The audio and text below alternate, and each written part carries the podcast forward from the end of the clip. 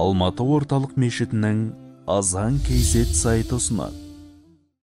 Бисмиллахи рахмани рахим алхамдулиллахи роббил аламин ассалату уассаламу аля расулина мухаммад уа аля алихи уа сахби ажмаин ассаламу алейкум уа рахматуллахи уа баракатуху.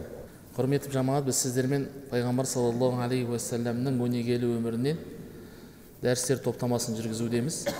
Өткен жолы соңғы келген тақырыбымыз дағуатты жасырын жүргізу мәселесіне келіп тоқталған болатынбыз. Яғни пайғамбар саллаллаху алейхи уассаламның пайғамбарлық міндеті жүктелгеннен кейін адамдарды дінге шақырғандығы әсіресе алғашқы үш жылының жасырын өткендігін айтқан болатынбыз. Бұның себептерін де айтқан болатынбыз бұдан шығатын хикметін де айтқан болатынбыз. Сонымен қатар алғашқы иман келтіргендерді айтқан болатынбыз. Қысқаша тоқталып өтсек пайғамбарымыз саллаллаху алейхи уассаламға уахи түскеннен кейін пайғамбарымыз саллаллаху алейхи уассалам алла тағаланың әміріне бағынып тыйымдарынан аулақ жүре бастады кейін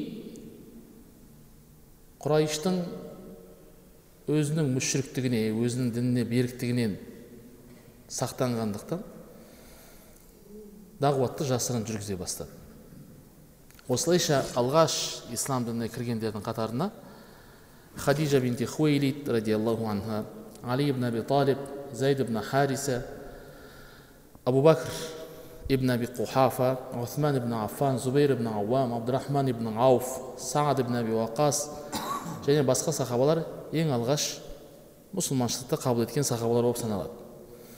Бұлар пайғамбар саллаллаху алейхи уассаламнан ислам дінінің үкімдерін жасырын үйренетін құлшылықтарын жасырын жасайтын. Құран үйренетін құрандарын жасырын оқитын. Тіпті кейбіреулері меккенің меккеге барған болсаңыздар мекке не секілді? Біздің алматы сияқты таудың арасында тұр. Жан жағын бәрі тау қоршалған. Біздің алатаудай биік болмаса да майда нелері бар таулары бар. Мекке өзі тасты жер. Сол меккенің әлгі сайларына барып өздерінің құлшылықтарын не қылатын болған жасырын қылатын болған. Сөйтіп мұсылмандардың саны отызға жеткенде пайғамбарымыз саллаллаху алейхи уассалам арқам ибн әбіл арқам деген сахабаның радиаллаху анхудың үйін не қылған таңдаған сөйтіп сахабалар бұл сахаба өзі иман келтірген алғашқы иман келтіргендердің біреуі арқам деген сахаба радиаллаху анху сол кісінің үйін таңдаған сөйтіп сол үйді орталық ретінде пайдаланған үйдің орналасқан жері егер қажылыққа умраға барғандарыңыз болса сафа маруа деген екі тас төбешік бар. Сол сафа мен маруаның арасында не жасайды? Барған қажылар сағи жасайды арасында жүріп. Дәл сол сафа тауының төбесінің етегінде болған үй. Әлгі арқам ибн әбіл арқамның үйі сол маңайда болған. Қазір әрине оны таба алмайсың. Себебі не? Құрылыс үлкейіп кеткен бірақ сол кезде сафаның маңайында болған үйі. Пайғамбарымыз саллаллаху алейхи уассалам бұл үйді арнайы таңдаған. Себеп? Қажылыққа келетіндердің барлығы сол жерден өтеді. Одан кейін меккеге қағбаға құлшылыққа келгендерге де сахабаларға да құлшылық намаз оқуға келгендерді де тәлім тәрбие беру үшін ыңғайлы жер болғандықтан арнайы таңдаған. Сонымен ә, кейбір риуаяттарда иман келтірден саны қырыққа жетеді иә? Және бұлардың көпшілігі не болады? Пақыр пақырлар кедейлер құлдар күңдер болады көпшілігі. Бұның барлығын біз тоқталып өткен болатынбыз. Не үшін пайғамбар саллаллаху алейхи уассалам дағуатты жасырын жүргізді? Оның хикметін айттық. Себебі пайғамбар саллаллаху алейхи уассалам өзінің жанына қорыққандықтан емес.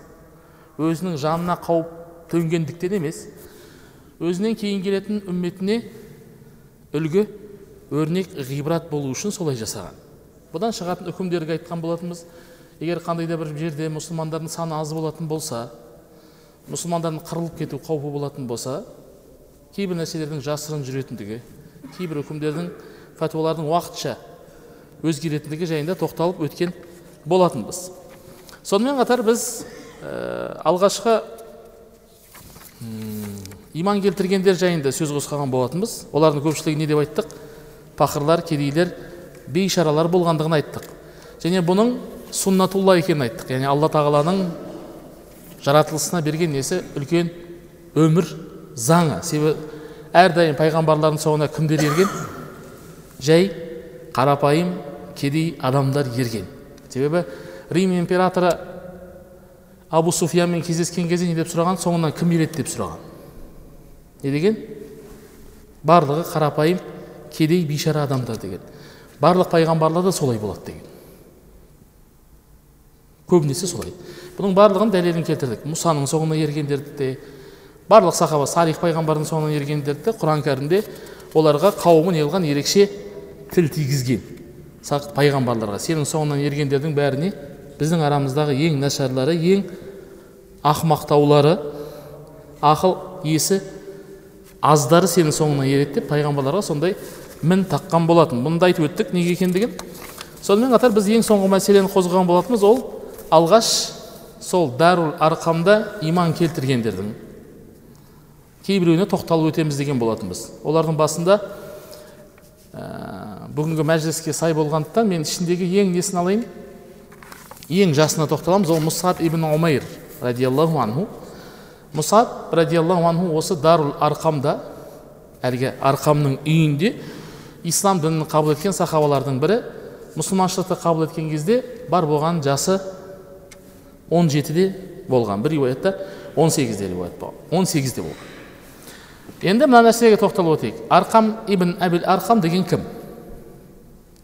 не дедік арқамның үйіне жиналуға пайғамбар саллаллаху алейhi шешкен жиналамыз деп сол арқам ибн әбіл арқам кім арқам ибн арқам алғашқы мұсылман болған сахабалардың бірі радиаллаху анху риуаят бойынша жетінші сахаба мұсылманшылықты қабыл еткен кейбір риуаятта он екінші сахаба мұсылманшылықты қабыл еткен білесіздер әйелдің ішінде мұсылманшылықты ең қабыл еткен кім әуелі хадижа анамыз баланың ішінде али құлдардың ішінде азат етілген құлдардың ішінде зәйд еркектердің ішінде азат еркектердің ішінде ол абу бәкір радиаллаху анху абу бәкір сыддық радиаллаху анху яғни бұлардан кейінгі болған жетінші адам арқам ибн арқам арқам ибн әбіл арқам бұл кісі дедік құрайыштан құрайыш руынан құрайышта біздің арабтың руы біздің қазақ рулары секілді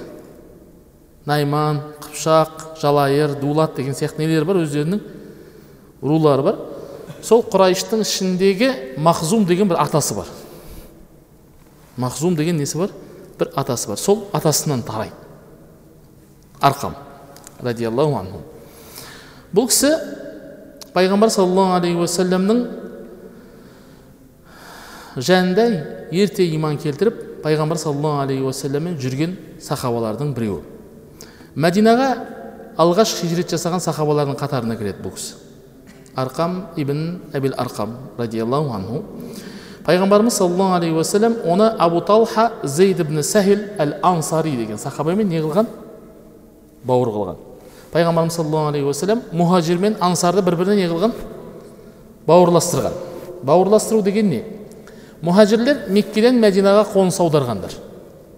Бұларды мұхажир дейді яғни қоныс аударушылар.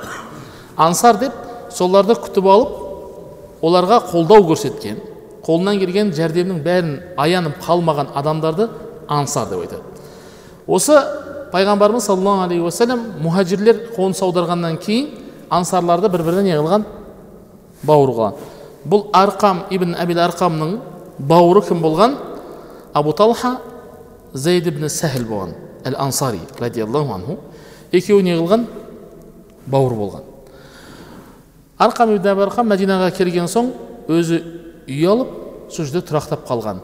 Бәдір ухуд хандақ секілді пайғамбар саллаллаху алейхи уассалам мен бірге барлық ғазауаттарға шайқастарға майдандарда бірге қатысқан сахабалардың бірі. Бәдір шайқасында олжа ретінде құрайшықтардың құрайш мүшіріктерінің қолынан не түседі? Бір үлкен марзубан деген қылыш түседі. Өте құнды. Пайғамбар саллаллаху алейхи уассалам сол қылышты арқам ибн арқамға сыйға тартқан. Кейін пайғамбарымыз саллаллаху алейхи уассалам оны зекет жинаушы деген қызметке тағайындаған. Зекет жинаушы. Сол қызметті атқара жүріп кейінгі сахабалардың да қызметінде болған халифалардың.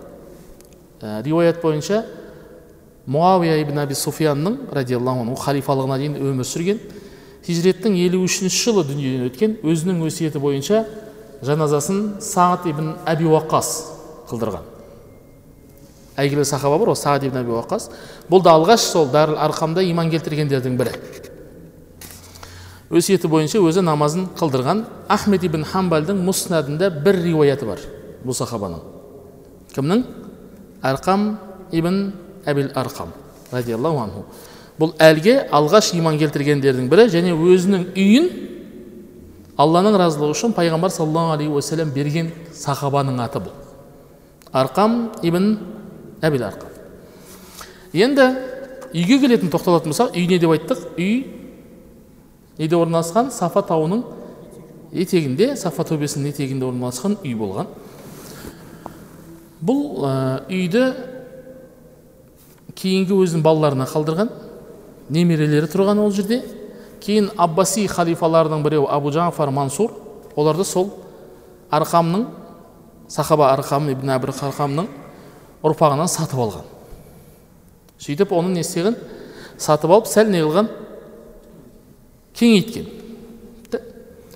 сөйтіп бұл үйдің маңыздылығы неде? Бұл үй орталық ретінде жұмыс атқарған және исламмен жаңа танысатқан сахабалардың бір жерге жиналып дінді үйренулеріне үлкен септігі тиген жер.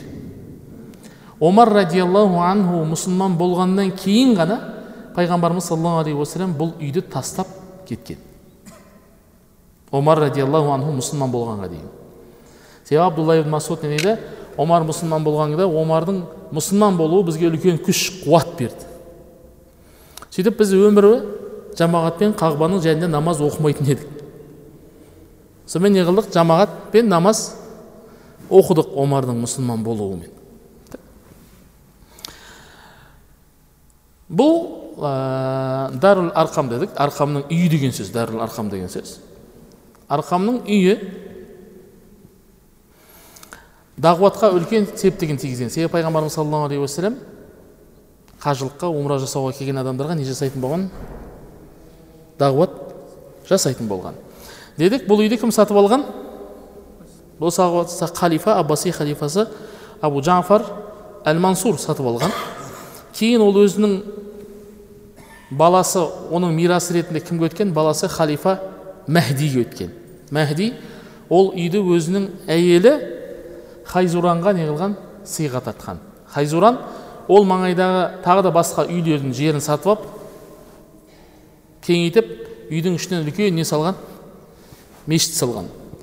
Сол мешіт сол қалыппен сақталып тұрып осман империясының осман халифатының әйгілі сұлтанның бірі сұлтандарының бірі үшінші мұрат келіп оны не қылған одан өзі үлкейтіп мешіт қылған түгел кейін бұны қазіргі ә, сауд арабиясының корольдығы түгелдей бұзып тастап оның орнына не салған үлкен мешіт қылып мүлдем кеңейтіп жіберген. Өкінішке орай не қыла алмай қалғанбыз өкінішке орай сақтай алмағанбыз.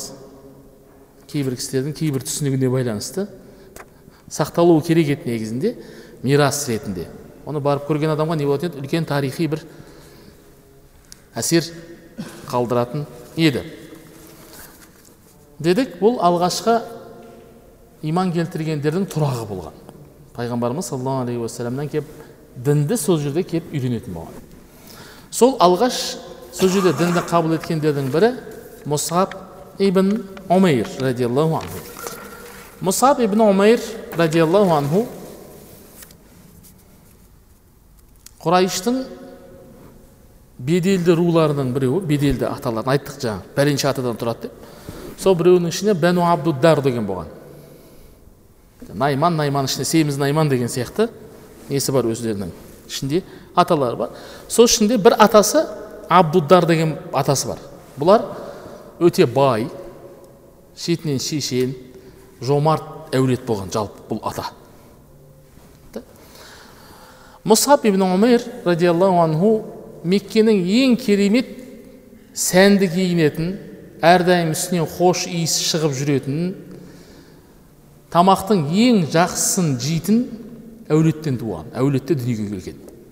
Әке шешесі өте бай. Сөйтіп меккеде жүрген кезінде ол пайғамбар саллаллаху алейхи уассаламды танитын еді.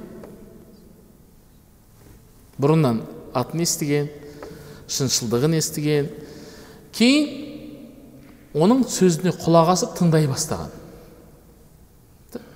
Сөйтіп өзі құрайш құрайыштың оларға пайғамбарға берген жауаптарын тыңдайтын болған күніге не жүріп жатыр ақиқат пен өтіріктің арасында не туып жатыр үлкен үлкен шайқас туып жатыр. Мұсап бұны күнде көретін болған. Кейін құрайш руының көсемдері құрайш руы көсемдерінің пайғамбарға айтқан жауаптарының негізсіз екендіктеріне көзі жеткен. Сөйтіп дарул архамға келіп мұсылман болған.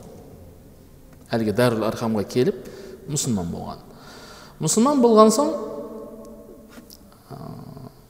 пайғамбар саллаллаху алейхи уассалам күнделікті келіп құран үйренетін болған шариғаттың үкімдерін үйреніп ары өзін өзі дамытатын болған. Бірақ өкінішке орай дедік мұсаб ибн омейр не дедік? Өте бай әулетте дүниеге келген. Әкесінің аты әкесінің аты омейр ибн хәшим болған. Әкесінің аты омейр ибн хәшим әкесі де шешесі де өзінің жахилиядағы дініне өте берік адамдар болған. Алғаш мұсылмандығын мұсап жасырып жүрген. Ешкімге айтпай құлшылығын да жасырын жасайтын болған алайда біреу оны меккенің сыртында намаз оқып жатқан жерінен көріп қойып әке шешесіне хабар берген. Сендердің балаларың не жүр? Басқа дінге кіріп кеткен деген хабар береді. Сөйтіп әке шешесі үйге қамап қояды. Да сөйтіп оның көрген несі басталады? Қиыншылығы басталады. Себебі шешесі өте қарсы болады. Тіпті шешесі былай деп ант ішеді. Сен бұл діннен бас тартпасаң мен тамақ ішпеймін сусын ішпеймін көлеңкенің астында отырмаймын деп ант ішеді. Сен бұл дінді тастайын тастамайынша сөйтіп не істейді? Шынымен ақ нәр татпайды. Күннің астында отырады қайта қайта құлап қалады балалары барып не істейтін болған? Үстіне су шашып қайтадан қалпына келтіріп алатын болған. Да анасына келіп не деген мен сен үшін не қыламаймын? діннен өзім қабылдаған ақиқат діннен бас тарта алмаймын деген сөйтіп өзінің әке шешесімен арасында не туған? Кикілжің туа бастаған. Бірақ арада біраз уақыт өткеннен соң шешесі көнген. Мен өз дінімде болайын сен өз дініңде бол деген біз, біз өзіміздің дінімізде қалайық сен? Өзіміздің біраз неден кейін біраз кикілжің орын алғаннан кейін болған жағдайлар. Дедік мұса бин омейрдің тағы бір екі бауыры болған. Зурарат ибн және абурру ибн омейр екі бауыр болған еркек. Бір қарындасы болған бір ғана қарындасы болған. Хинд бинти омейр деген. Өз ағайынды нешеу болған төртеу үшеуінің әке шешесі бір абуррум ибн омейр деген бауыр болған оның шешесі бөлек болған. Яғни әкесінің несі болған? Екі әйелі болған. Одан бір, бір бала туған. Мынадан үшеуі неден бір анадан бір ана бір әкетадан ана тек шешесі бөлек әкесі бір сахаба болған. Мұсап радиаллаху анху дедік алғашқы мұсылман болғаннан кейін оған қатты қиыншылық көре бастаған. Қиыншылық көргендігі соншалықты біріншіден әке шешесі оны мәпелеп өсірген. Өсіріп отқан балалардың ішінде ең сүйкімдісі сол болған ең ақылдысы да сол болған. Және әке шешесі былайша айтқанда қазақша айтқанда бетінен қақпаған. Қалаған тамағын ішкен қалаған киімін сатып алған қалаған киімін қалаған нәрсесін көңілі ауған ынтық болған бүкіл астың барлығын не қылған дәмін татып жеп көрген сахаба болған. Осындай қиыншылық туғаннан кейін бұлардың барлығынан бір күнде айырылған адам. Түсініп жатырсыз ба? Мына жақта не үшін не қылып күнде көңіл көтеріп рахаттанып жүрген бір өмірден түгел бәрін тәрк етіп бір күнде басқа бір жаққа қарай өткен. Тіпті пайғамбарымыз саллаллаху алейхи уассаламмен бірге жүріп пайғамбар көрген қиыншылықтың бәрін түгел көрген пайғамбарымыз саллаллаху алейхи уассалам бір кезде былай деп айтқан бұны омар радиаллаху анху риуаят етеді пайғамбарымыз саллаллаху алейхи уассалам былай деген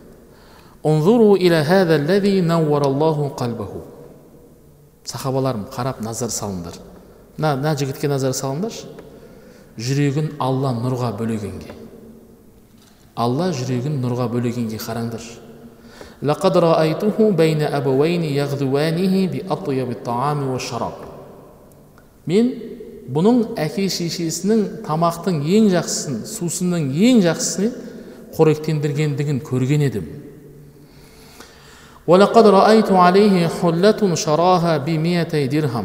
мен бұның үстінде өзі 200 күміс дирхамға сатып алған үстінде шапаны бар еді киімі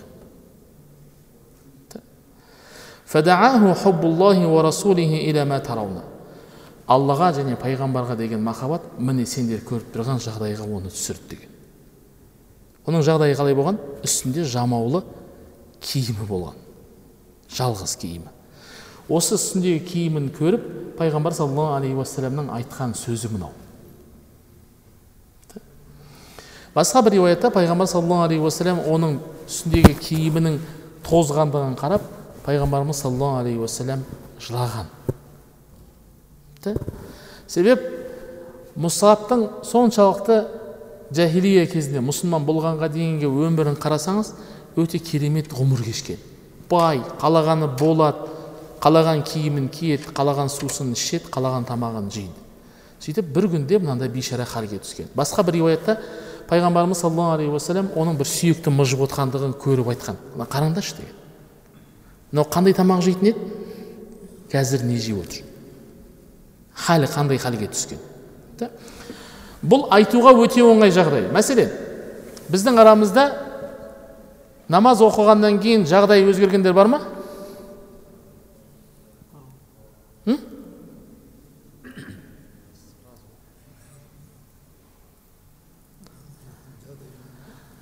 Намаз оқығаннан кейін бәрін тастап бір күнде мен мұсылман болдым бәрін қойдым деп айта алатын адам бар ма?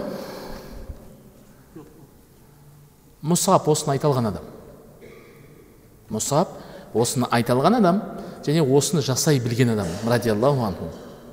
Себебі адам мұсылман болғаннан кейін намаз оқығаннан кейін ораза ұстағаннан кейін оның өмірінде өзгеріс болуы керек.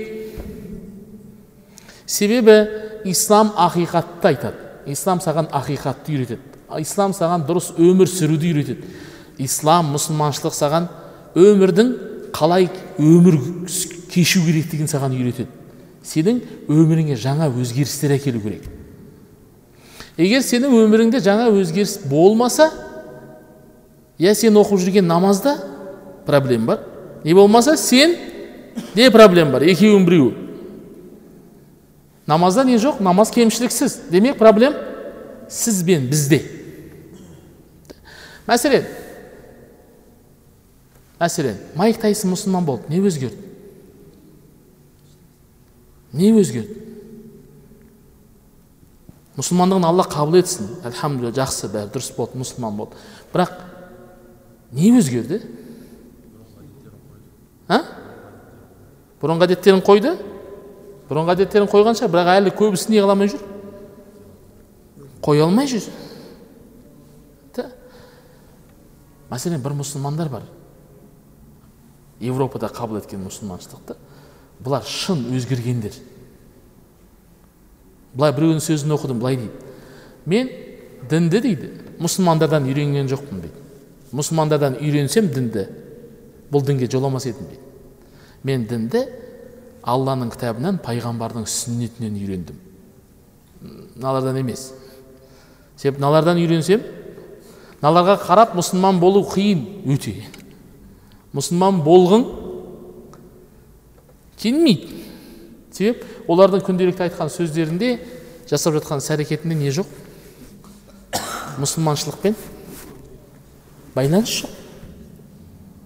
Мәселен жарайды. Сен мұсылман болдың мұсылман болғаннан кейін не дедік? Өміріңде өзгеріс болу керек. Бұл өзгеріс сенің әке шешеңмен байланысында болу керек көріну керек. Бұл өзгеріс сенің әйеліңмен болу керек. Бұл өзгеріс сенің ағайын туысқаныңмен білу керек. Ағайын туыс әйел бала шағаң бәрі саған қарап не деу керек? Әй мынау түзелді адам болды деп айтуы керек. Сол әлгі бойыңдағы қасиетті көруі керек. Егер көре алмаса сенде демек әлі не бар? Сенде үлкен ақау бар сенде әлі үлкен кемшіліктер бар сенің бойыңнан мұсылманшылық байқалмаса бұл өте қиын нәрсе себебі бұрын біздің ауылда біреу намаз оқып тура жолға түсті десе ол үй қой шалып құдайға рахмет айтып шүкірлігін айтып ас беретін мынау адам болды деп мынау адам болды деп бәрін қойды тәрк етті деп не көретін еді шынымен ақ бойында өзгеріс көретін еді мұсап радиаллаху анху сондай адам мәселен біздің арамызда шариғи тұрғыдан харам болған істерді жасап жүрген адамдар намаз оқып жүр ма? Бар ғой ондайлар бар. Ол істер харам негізінде. Бірақ ол не деп ойлап жүр өзім? Жоқ әлі сол істен шыға алмай жүр. Намаз оқығандығына рахмет. Алла қабыл етсін. Бірақ адамда не болу керек? Адамда өзгеріс болу керек. Адам жақсыға жақсылыққа қарай бет алу керек. Бағыты өзгеруі керек. Жақсы тұрғыдан жақсылық тұрғысынан өзгеруі керек. Мәселен сен намаз оқып аузыңа былапыт сөйлегеннен не пайда? Сен намаз оқығаныңмен үйдегі бала шағаңа қарамасаң не пайда? Бұның барлығын не қылу керек? Түгелдей түгелдей өзгеруі тиіс. Мұсап радиаллаху анху өмірі түгелдей өзгерген адам. Мұсап радиаллаху анхудың бауырларын айттық. Әке шешесін айттық. Бауырлары қанша екен? Жәнді үш бауыр болған. Екеуі еркек біреуі қыз болған. Иә? Әйелі хамна бинти жахш болған. Үйленген әйелі хамна бинти жахш бұл біздің анамыз пайғамбар саллаллаху алейхи уассаламның әйелдерінің бірі зайнаб бинти жахштың сіңлісі. Түсінікті? Былайша айтқанда пайғамбар екеуі пайғамбарымыз саллаллаху алейхи уассалам екеуі бажа. Түсіндіңіз ба бұл сахабалар бір бірімен не болған? Сахабалар негізі пайғамбар саллаллаху алейхи уассаламмен туыс болған ағайын болған. Егер шынымен өмірбаяндарын оқысаңыз әсіресе мұхажирлердің бәрінің пайғамбармен несі бар? Түгелдей туыстық байланысы бар. Мәселен абу бәкір радиаллаху анху кім? Қайнатасы омар қайнатасы осман күйеу бала али күйеу бала сағд ибн уақас нағашысы. Басқа сахабалар жиен бәрінің несі бар арасында? Байланыс бар. Бұл байланыс не үшін керек? Бұл байланыс өте маңызды мәселен сіздермен біз не, не өсіріп отырмыз ұл мен қыз өсіріп отырмыз өзіміздің сол күнделікті намаз оқып жүрген адамға мұсылманға қызымызды беруіміз керек одан ұялмау керек менде қыз бар сенде ұл бол құда болайық деген сөзден ұялмау керек менің қарындасым бар аласың ба деп айтудан ұялмауымыз керек бізде елімізде бір жалған не бар? А? Сондай бір намыс бар. Біреу қарындасын сұрап келсе не айтып тұрсың деп оған. Ол қарындасың бәрібір біреуді тауып әкеледі. Сен өмір бақи сыйыспайтын біреуді алып келеді сен өмірі сенімен тіл таппайтын біреуді ертіп әкеледі. Балаңа келінді сен таңдап әпермесең ол біреуді бәрібір алып келеді біреуді алып келеді бұл біздің елімізде болған жағдай біздің елімізде болған біздің бабаларымыз солай болған. Бізде бесікте жатып не қоятын болған? Атастырып қоятын болған бір бірімен құдам деп. Не үшін? Мынандай сен екеуміз құда болсақ сен болмаса ең болмаса менің қызымды әкеліп тастамайсың не деп? Ұят болады бауыржаннан деп. Бауыржаннан бұрыннан неміз? Таныспыз доспыз ұят болады. Танымасаң қызыңды әкеліп тастауың оңай сен. Қызыңмен бірге құрып кетсін. Рас солай ғой әңгіме. Сахабалар бір жағынан мұсылмандық мүминдік қатынастары болатын болған кейін екінші жағынан несі болған? Туыстық қарым қатынастар өте күшті болған. Бұл неге маңызды білесіз ба бір жағынан мұсылман бауырың болса екінші жағынан туысқаның болатын болса сен ол адамды ешқашан тәрк етіп кете алмайсың. Біздің тілмен айтқанда лақтыра алмайсың. Себебі бір жағынан иман бар бір жағынан екінші жағынан не бар? Туыстық бар. Сен бұны ешқашан не қыла алмайсың ешқашан ешқашан бұдан қаша алмайсың ешқашан бұдан бас тарта алмайсың. Біздің бабаларымыз бұл жүйені өте жақсы түсінген. Бір бірімен айландырып қыз қыз беріп суды шын бекітеді дауды қыз бекітеді. Дауласқан жағдайда бір бірімен құда болып шаруаны шешіп кете беретін болған. Құда. Құдаға қарсы сөйлей алмайсың ұят болады. Иә? Біз құданы өте ерекше қатты сыйлайтын елміз. Құданың орны бөлек. Бұның барлығы сол үшін өте маңызды. Иә пайғамбарымыз мұсаб ибн умейр пайғамбар саллаллаху алейхи уассалам несі болған? Сахабасы әрі бажасы болған. Бұл хамна мұсабқа зайнап деген бір қыз туып берген тамаша. Зайнап деген қызы болған. Кейін оны ә, мұса бин омейр радиаллаху анху ухудта шәһид болғаннан кейін ә, бұл кісі әйелі әлгі хамна талха ибн убайдулла деген сахаба бар атақты. Соған күйеуге шыққан. Бұл кісі ә, әлгі әйел сахаба радиаллаху анху талхаға екі ұл туып берген. Мұхаммед және аймран деген екі ұл туып берген радиаллаху анха.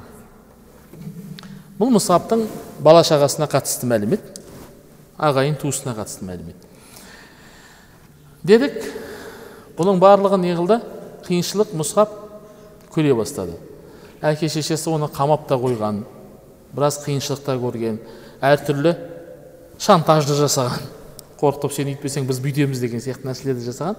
Бірақ мұсхаб ешқашан бұлардың барлығы жасалған іс әрекеттің барлығы мұсхабты алған бағытынан қайтармаған. Керісінше оның бойында сабырлық төзімділік деген қасиеттерді не қыла түскен арттыра түскен. Сөйтіп қысым көбейген соң мұсаб ибн умейр радиаллаху анху пайғамбарлықтың бесінші жылы эфиопияға хижрет еткен хабашистан дейді хабаш қазіргі эфиопияға хижрет еткен не қылған соң қысым көбейген соң кейін жаңылыс бір өтірік хабар келеді меккедегі мүшриктер барлығы не болды мұсылман болды деп сол хабарды естіп кейбір сахабамен қайтадан неге қайтады меккеге келеді меккеге келген соң ешқандай халдің өзгермегендігін көреді баяғы жартас сол жартас екендігін көреді сөйтіп сол жерде не қылып қояды қалып қояды. Мұсап радиаллаху анху ағайын туыстарына эфиопиядан келгеннен кейін ата анасына емес бірінші пайғамбар саллаллаху алейхи уассаламға барып сәлем беруге келеді. Бұны естіген шешесі айтады сен сонда бізге сәлем берместен барып анаған сәлем беріпсің ғой сен. Біз сонда кімбіз саған? сөйтіп өзінің несін білдіреді ренішін білдірген. Бірақ мұсап радиаллаху анху меккеге аяғы тиісімен ең әуелі кімді іздеп барған пайғамбарымыз саллаллаху алейхи уассаламды іздеп барған сөйтіп хижрет жасаған соң меккеге келген соң мәдиналықтар бірінші ақаба екінші ақаба деген бар білесіздер ма бірінші ақаба екінші ақаба деген бар бұлар не келісім шарттар мәдиналықтар келген бірінші ақабада кейін екінші ақабада келген бірінші ақабада келген мұсылмандар мәдиналық мұсылмандар пайғамбар саллаллаху алейхи уассаламнан мәдинаға мұғалім жіберуді сұратқан дінді үйрететін бізге не керек мұғалім керек құранды үйрететін дінді үйрететін шариғаттың үкімдерін үйрететін мұғалім керек дегенде пайғамбарымыз саллаллаху алейхи уассалам мұсаб ибн умейр таңдаған радиаллаху анху сөйтіп мәдинаға алғаш хижрет жасаған сахабалардың бірі болып табылады. Мұсаб ибн умейр мұсаб ибн умейрді қараңыз сізге қазір сұрақ қойсам сахабалардың ішінде ең мықтысы кім десем не дейсіз? Абу бәкір дейсіз. Одан кейін десем омар осман али бәрін санап шығасыз. Бірақ аузыңызға мұсғап түспейді.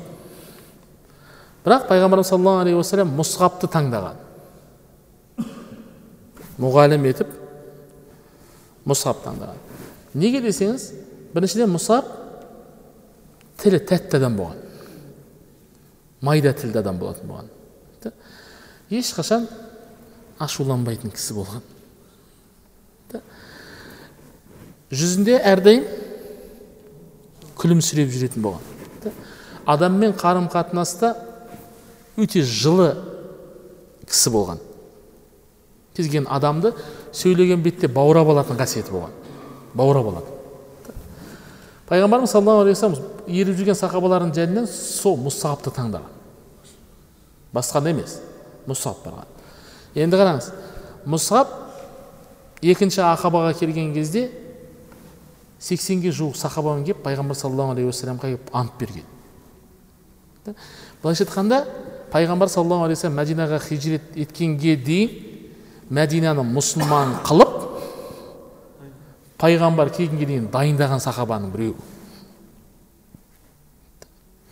Себеп меккеде дағуаттың жолы тоқтаған дағуат айту. Себеп арада не көбейіп кеткен? Кикілжің көбейіп кеткен. Мұсылмандарға деген қысым күшейіп кеткен. Бұл барып бір жаңа не дайындаған пайғамбар саллаллаху алейхи уассаламға исламның ары қарай дамуы үшін керемет бір қоныс тапқан ол да мәдина мынандай бір риуаят бар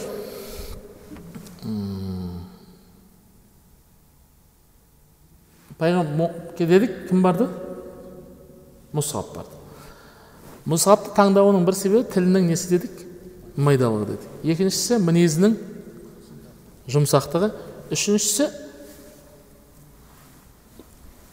өте сұлу кісі болған бойы биік өте сұлу кісі болған. Одан кейін тағы бір несі ешкім оған әңгіме айта алмайтын болған. Себебі текті жерде. Әулет не? Текті әулет. Жай біреулер емес. Әулет өте атақты. Арабтың арасында бәрі танитын әулет. Мәдинаға келген соң мұсаб радиаллаху анху асад ибн зурара деген сахабаның үйіне түскен. Асад ибн зурара. Сөйтіп соның үйінде адамдарға не қыла бастаған? дінді үйрете бастаған. Бұны естіген саад ибн муаз және усейд ибн худайр деген кісі ол кезде екеуі кейін сахаба болған ол кезге не екеуі? мүшрик кім? Саад ибн муаз және усейд ибн худайр. Мына ішінде саад ибн муаз дегені мына айттық қой асад ибн зурара деген сахабаның үйіне түсті дедік қой. Екеуі туысқан болған. Мынау нағашысы мынау жиені болған. Бұл екеуі естиді. Меккеден біреу келіпті адамдардың дінін өзгертіп жатыр екен. Ата бабамыздың дінінен шығарайын деп жүр екен біреу келіп. Соны уағыздап жүр екен деп. Сөйтіп саад ибн муаз айтады. Усейд ибн худайрға анамен білесің асхабпен екеуміздің арамызда неміз бар? Туысқандық байланысымыз бар. Әйтпесе ананың аузын барып өзім жабар едім соның үйінде тұрып жатыр екен анау келген меккеден келген. Сондықтан сен барып шаруаны шеш дейді барып бұны барып тоқтат дейді. Содан усейд жүгіріп шығып нені алады? Есіктің алдында тұрған сүңгі дейді. Сүңгі деген білесіз ба найзаның қысқасы. Лақтырады мынандай жарықтықтар копье копье. Сүңгі дейді соны қазақша. Найзаның несі? Қысқасы. Қолына алып жүгіреді кімнің үйіне қарай. Асхат ибн зурараның үйіне барады. Кім екеуі отырады. Асхат пен мұсап екеуі отырып әңгімелесіп отырады. Мынау үстіне баса көктеп кіріп келеді. Сол айтады естуімше сен екеуің біздің қауымды дінімізден шығарайын деп жүр екенсің ғой. Біздің ішіміздегі мынау ақыл есі аздаулардың миын ашытып басқа нәрсеге кіргізейін деп жүр екенсіңдер ғой мен сендерді өлтіруге келдім дейді. Сені өлтіруге келдім мұсап айтады кел отыр дейді кел отыр менің айтқаныма құлақ сал ұнаса қабыл етесің ұнатпасаң оны кейін көреміз не істейтін усейд айтады ынсапты адам екенсің дейді ынсап деген білесіз ба ынсапты адам екенсің яғни әділетті адам екенсің дұрыс нәрсе ұсынып отырсың жарайды отырайын дейді отырады содан мұсап оған дінді түсіндіре бастайды. Алланы түсіндіреді пайғамбарды түсіндіреді құран кәрімнің аяттарын оқиды ананың жүрегіне тиетін аяттарды оқып болған соң анау айтады усайд ибн худайр қатты өзгереді. Айтады бұл дінге кіру үшін не істеу керек? дейді мұсап айтады әуелі ғұсыл алу керек ғұсыл алуың керек үстін тазартуың керек киіміңді тазарту керексің. Содан кейін келіп шахадат айтасың содан кейін намаз оқисың. Сонымен ол ғұсыл алады үстін тазартып келіп кәлима шахадат айтып мұсылман болады. Усейд айтады менің артымда бір кісі бар дейді мені жіберген. Сол мұсылман болса мына тұрған мәдинада өзі екі ру тұрған арабтың екі. Аус пен хазраж деген екі ру тұрған. Мынау мұсылман болса сол менің артымдағы кісі мені жіберген адам мұсылман болса мыналардың бәрі мұсылман болады соны көндіріңдерші дейді менің артымдағы келе жатқанды мені жіберген адам ба дейді. Сонымен кім кейін қайтады? Усейд. Саад ибн мұғаз өзінің қауымдастарымен бірге отырады руластарымен бірге отырады не дейді? Түрін көрген бетте не дейді? Мынаның түрі өзгеріп кетті дейді. Бағана басқа бетпен кеткен еді қазір мүлдем басқа өзгеріп кетті мынаның түсі дейді. Не болды деп сұрайды. Соны ол кісі айтады осылай осылай болды сенің руыңдағы бір кісіге біреу шабуыл жасайын деп жатыр екен соны саған естірткелі келдім дейді. Ана қолындағы сүңгіні жұлып алып ол ана жаққа тартады. Үйге келеді тура сол әңгімені қайтадан айтады. Сені сен біздің жаңағы бұзып жүр екенсің ғой. А тағы кім айтады? Мұсап айтады келіп отыр дейді. Тыңда дейді жақсы болса қабыл етесің. Қабыл етпесең басқаша болар оны көреміз.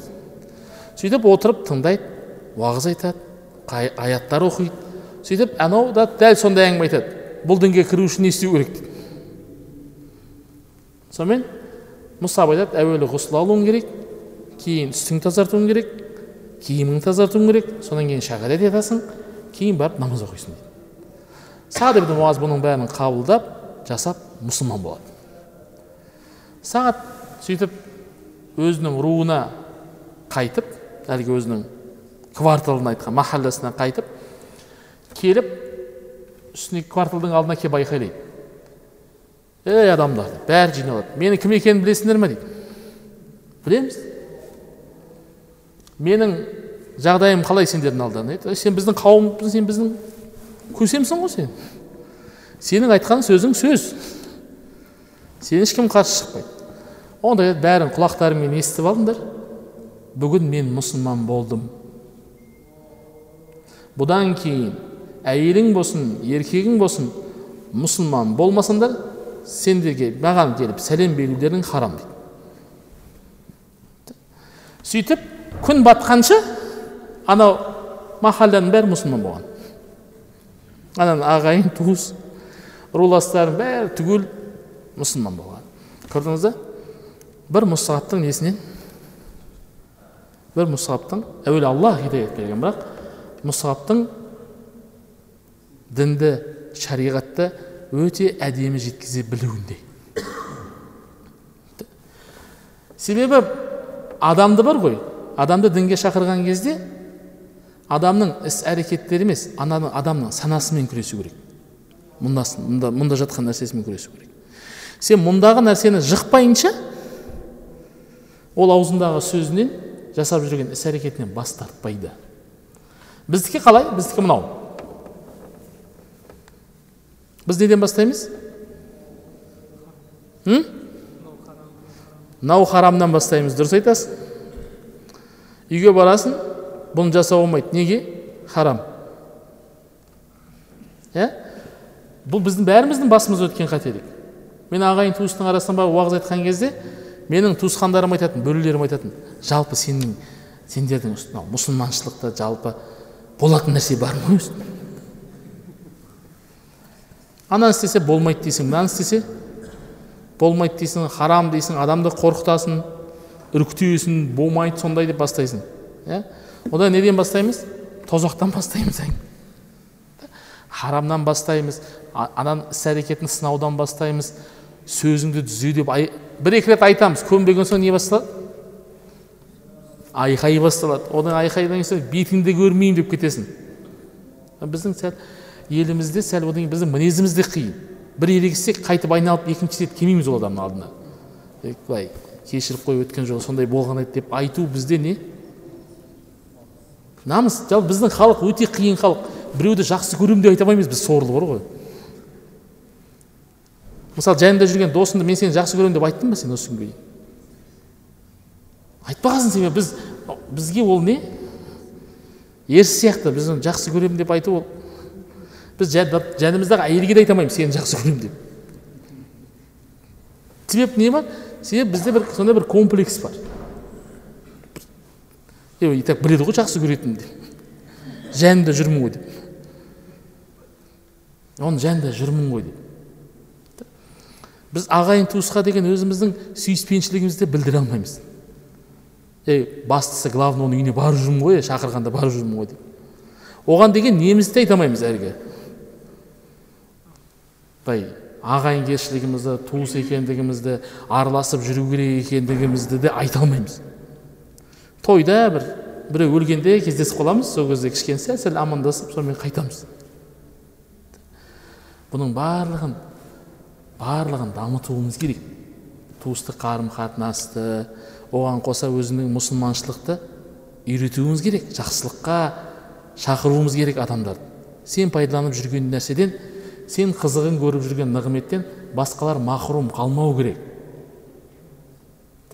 Және дағуат жасаған кезде мұсаб ибн омейрдің тәсілін қолдану керек. Не керек? Тәтті тіл керек. Жұмсақ мінез. Және не керек? Дұрыс нәрсені дұрыс уақытта айта білу керек. Дұрыс уақытта дұрыс нәрсені. Және адамдардың ең әуелі санасын тазалауымыз керек. Санасын. Біз немен алсамыз айтып жүрген сөзімен жасап жүрген іс әрекетімен алсамыз олай емес. Оның әуелі санасын тазалап сендіріп жүрегіне иман ұялатып болғаннан кейін мынау істеп жүргенің дұрыс емес десең ол еш несіз қабыл етеді мына істі жасауға болмайды десең не дейді? Жарайды жасамай ақ қояйын дейді. Себебі сен оның жүрегіне не қойып алғансың иман шырағын жаққаннан кейін ол адамға ары қарай шариғатты үйрету қиын емес. Алайда харамның ортасына белшесінен батып кеткен ақ пен қараны ажырата алмайтын адамға барып шариғаттың үкімдерін айтқан не болады? Дұрыс шықпайды. Ең әуелі санасымен күресу керек. Санасындағы жағымсыз қылықтарды жағымсыз ойлардың барлығын тазалап болғаннан кейін ғана сіз шариғи үкімдерді айта алады екенсіз. Осылайша мұсхаб ибн омейр бәдірде пайғамбар саллаллаху алейхи уассаламмен шайқасқа қатысқан бәдір шайқасына қатысқан. Кейін ухуд шайқасында да қатысқан. Ухуд шайқасында пайғамбарымыз саллаллаху алейхи уассалам оған туды берген. Ту ұстап жүру міндетін мұса бин омейрға тапсырған.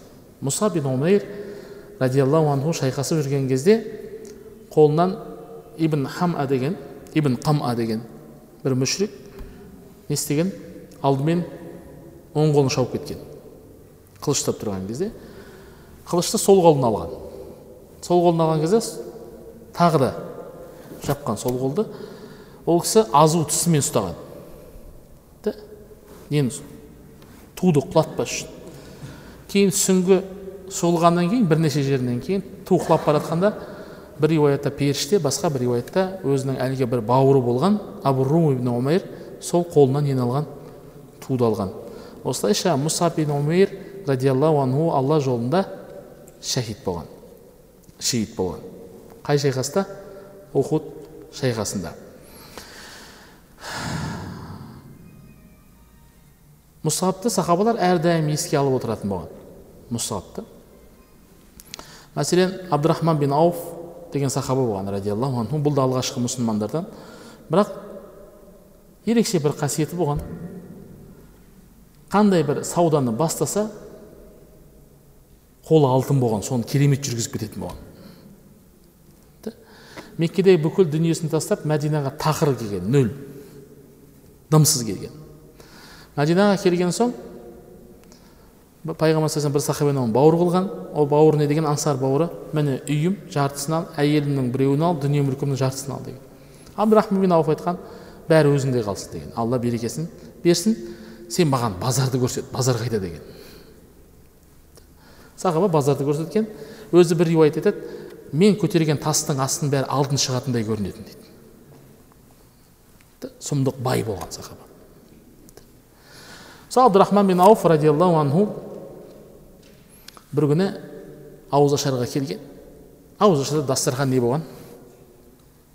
Лық толы болған лық. Бәрі бар. Абдурахман бин ауф дастархан қарап тұрып не деген уаллахи деген мұсап бізден жақсы еді деген мұсап бізден жақсы еді. Мұсап дүниеден өткен кезде біз оны киім таба алмадық кебіндейтін киімін басына тартсақ аяғы ашылады аяғына тартсақ басы ашылып қалады пайғамбарымыз саллаллаху алейхи уассалам изхар деген шөп болған соның шөппен аяғын жабыңдар деген киімін басына қарай тартып аяғын. Яғни былайша айтқанда дүниеден өткенде үстінде бір киімі де болмаған дұрыс. Түсінікті? Біз де істедік ислам үшін бір істерді. Бірақ алла тағала сол іс жасаған алла разылығы үшін жасаған ісіміздің сыйын мына дүниеде беріп қоя ма деп қорқамын себебі мұсхаб бізден жақсы еді. Мұсхаб бұл дүниенің ешқайсысын көрмей кетті дүниеден. Ешқайсысын көрмей деп мұса кім? Абдурахман бин ауф әлгі дастарханнан нәр татпай тұрып кеткен жылап. Себебі мұсаб бізден не еді? Хайырлы еді. Бұл қызықтың ешқайсысын көрмей дүниеден өтіп кетті деген. Былайша айтқанда біз бұл тақырыбымызды әдейілеп ерекше мұсаб ибн омерге ерекше тоқталуымыздың себебі біздің қазіргі замандағы кейбір қиыншылықтарға сәйкес келуі кейбір мұсылмандардың осындай қиыншылық көріп жүргендігі және біздің жастарымызға мұсаб ибн омер секілді кісінің сахабаның радиаллаху анхудың үлгі бола алатындығын көрсету болатын. Келесі сахабамызда сол дәріл арқамда мұсылманшылықты қабыл еткен басқа бір сахабаның өмірбаяны жайында сөз қозғайтын боламыз. Walhamdulillahi rabbil alamin ربنا آتنا في الدنيا حسنة وفي الآخرة حسنة وقنا عذاب النار. آمين. الله